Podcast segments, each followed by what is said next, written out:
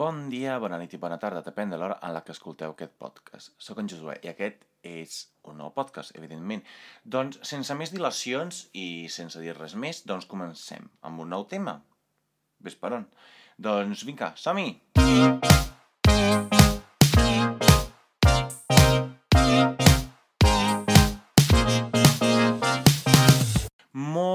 Doncs molt bé i molt malament. És broma, molt bé només.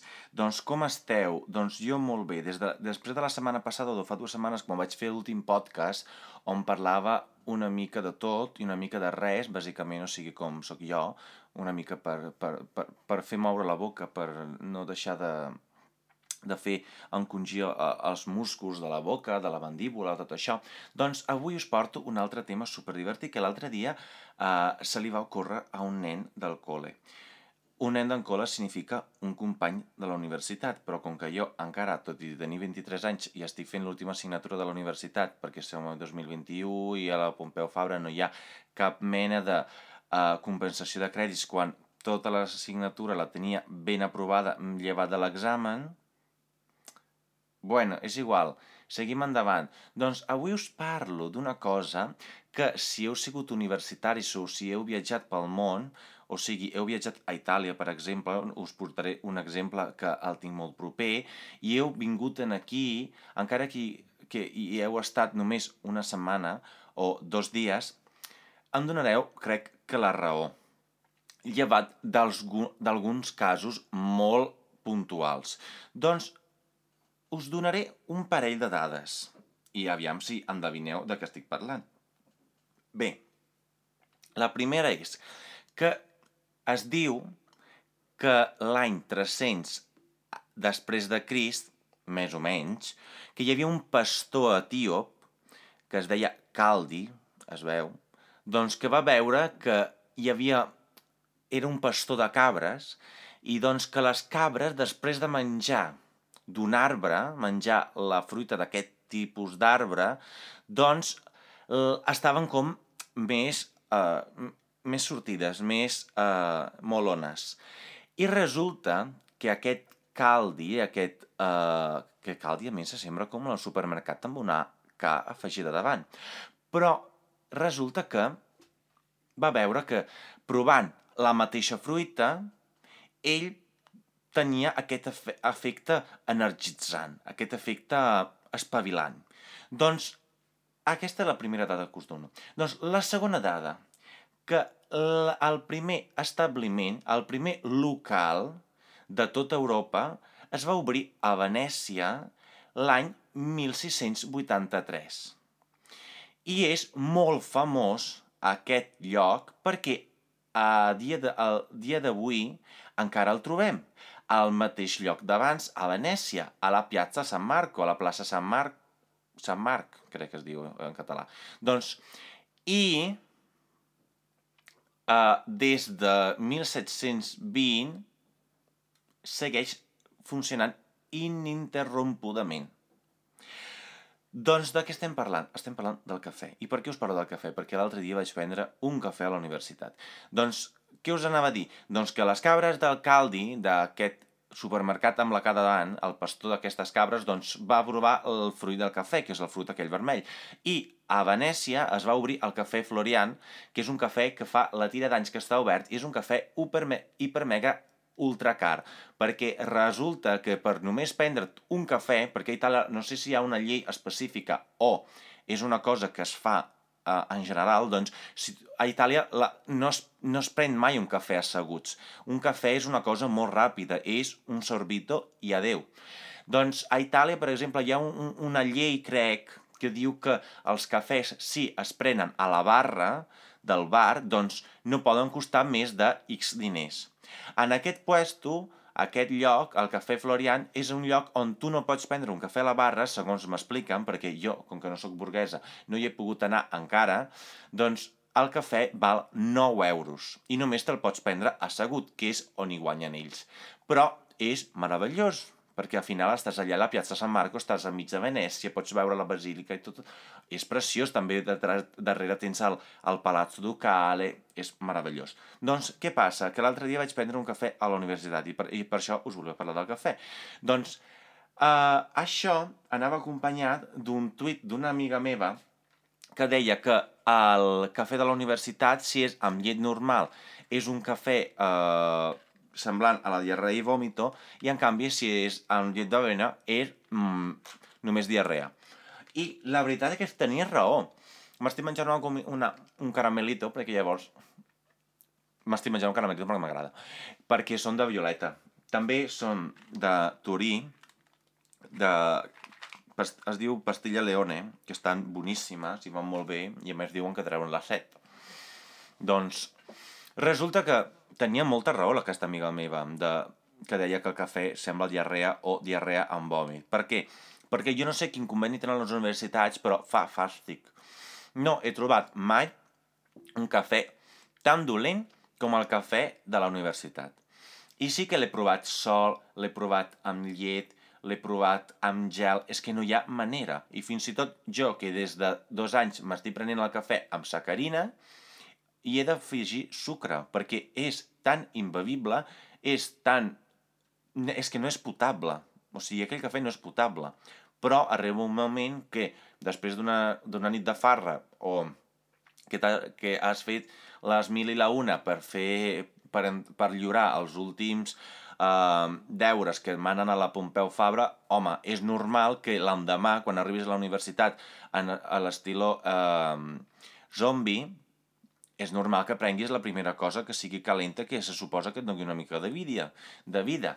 Doncs el cafè aquell és això, o sigui, però et dona vida perquè, o sigui, és tan mm, moribund que ets tu el que, encara que vagis de zombi, treus la vida d'aquest cafè.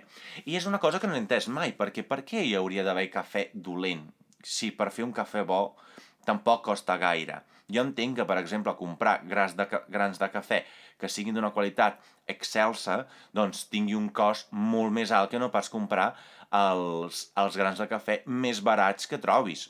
Ara bé, les universitats amb la quantitat de cafè que, que poden fer cada dia, per què ho han de fer tan malament?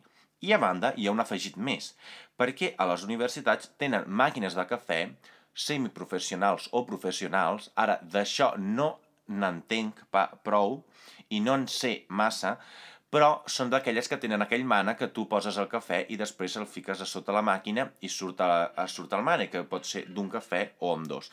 Doncs una cosa que vaig veure l'altre dia que feien, cosa que, Dios, eh, Déu meu, ajuda'm, ha sigut que a banda de fer els cafès, que aquesta màquina és gairebé automàtica, perquè l'única cosa que han de fer és agafar, posar el, el cafè molt i després eh, posar-la dins de la màquina, aquest o sigui, posar el mànec aquest dins de la màquina amb el cafè molt, doncs és donar-li a un botó.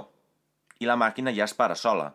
Però jo no sé qui la va calibrar, però era dolentíssim. I a banda, la, si has de fer un cafè, per molt llarg que sigui, no pots fer un cafè americano perquè un cafè americano eh, està fet d'una altra manera, o almenys és un cafè espresso i després s'hi afegeix aigua calenta. Doncs això era quan més cafè millor, i llavors de llet ja te'n posen menys. I l'altre dia em va agafar mal la panxa. Però per què no poden agafar un cafè una mica més bo? Per què no poden gastar-se una mica més de calés en això?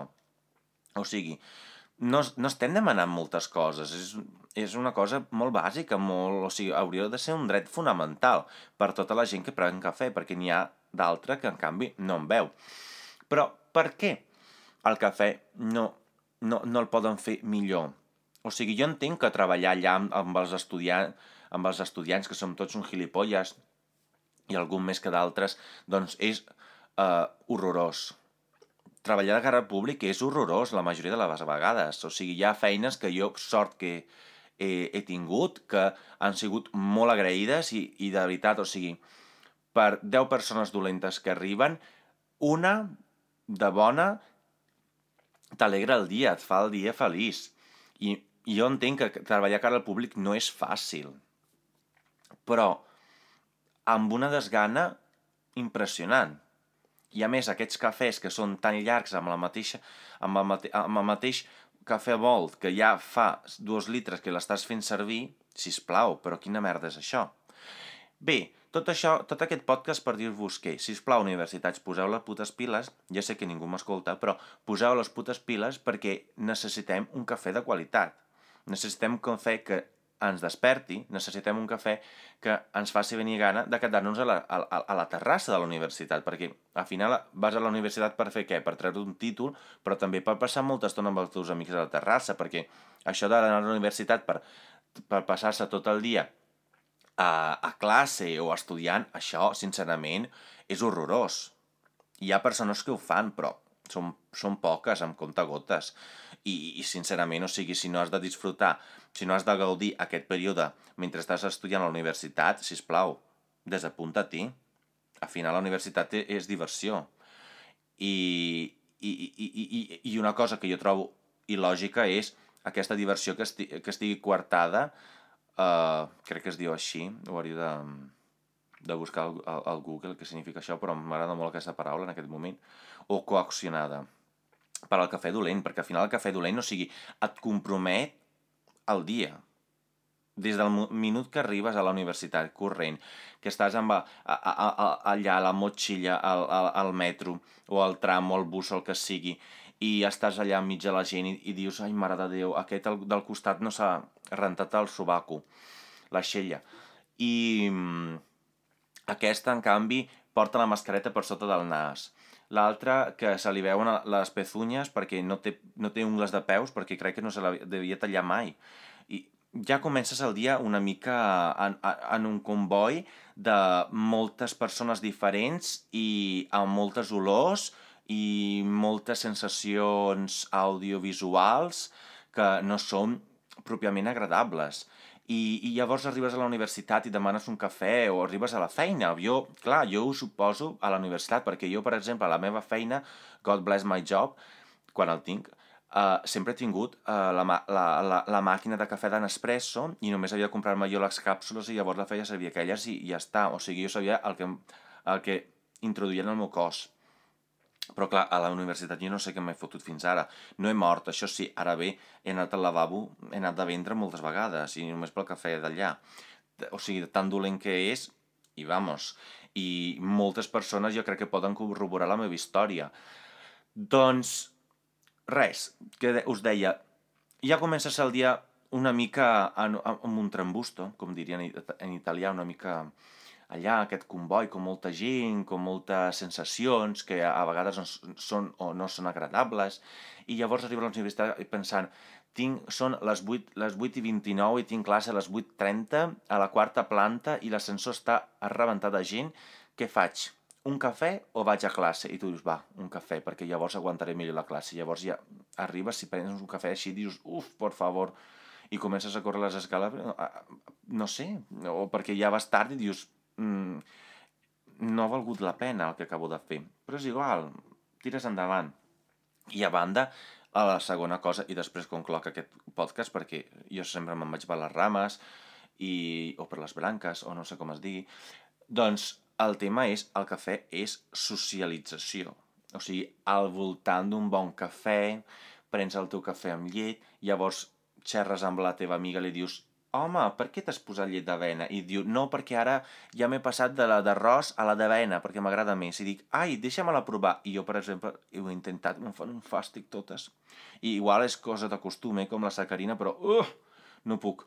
I llavors estàs xerrant i dius, ai, que cafè més bo, ai, quin, quina llet més interessant, quina beguda vegetal has fet servir avui, ai, que, que ets intolerant a la lactosa, per això. I dius, ah, crec que tinc mal la panxa, s'han equivocat amb la llet. I llavors has de començar a córrer, la gent que riu, la gent que xerra al voltant del cafè, perquè al final el cafè és socialització, és compartir. És vida d'universitari per la gent que veu cafè. En fi, uh, resulta que, si plau, universitats, poseu cafè bo. Punt. No vull dir res més, perquè al final posar un cafè bo és fer que tota la comunitat d'estudiants i de professors tinguin un molt bon dia. I fins aquí el podcast d'avui. I res, us deixo amb un petó de meló. Adeu!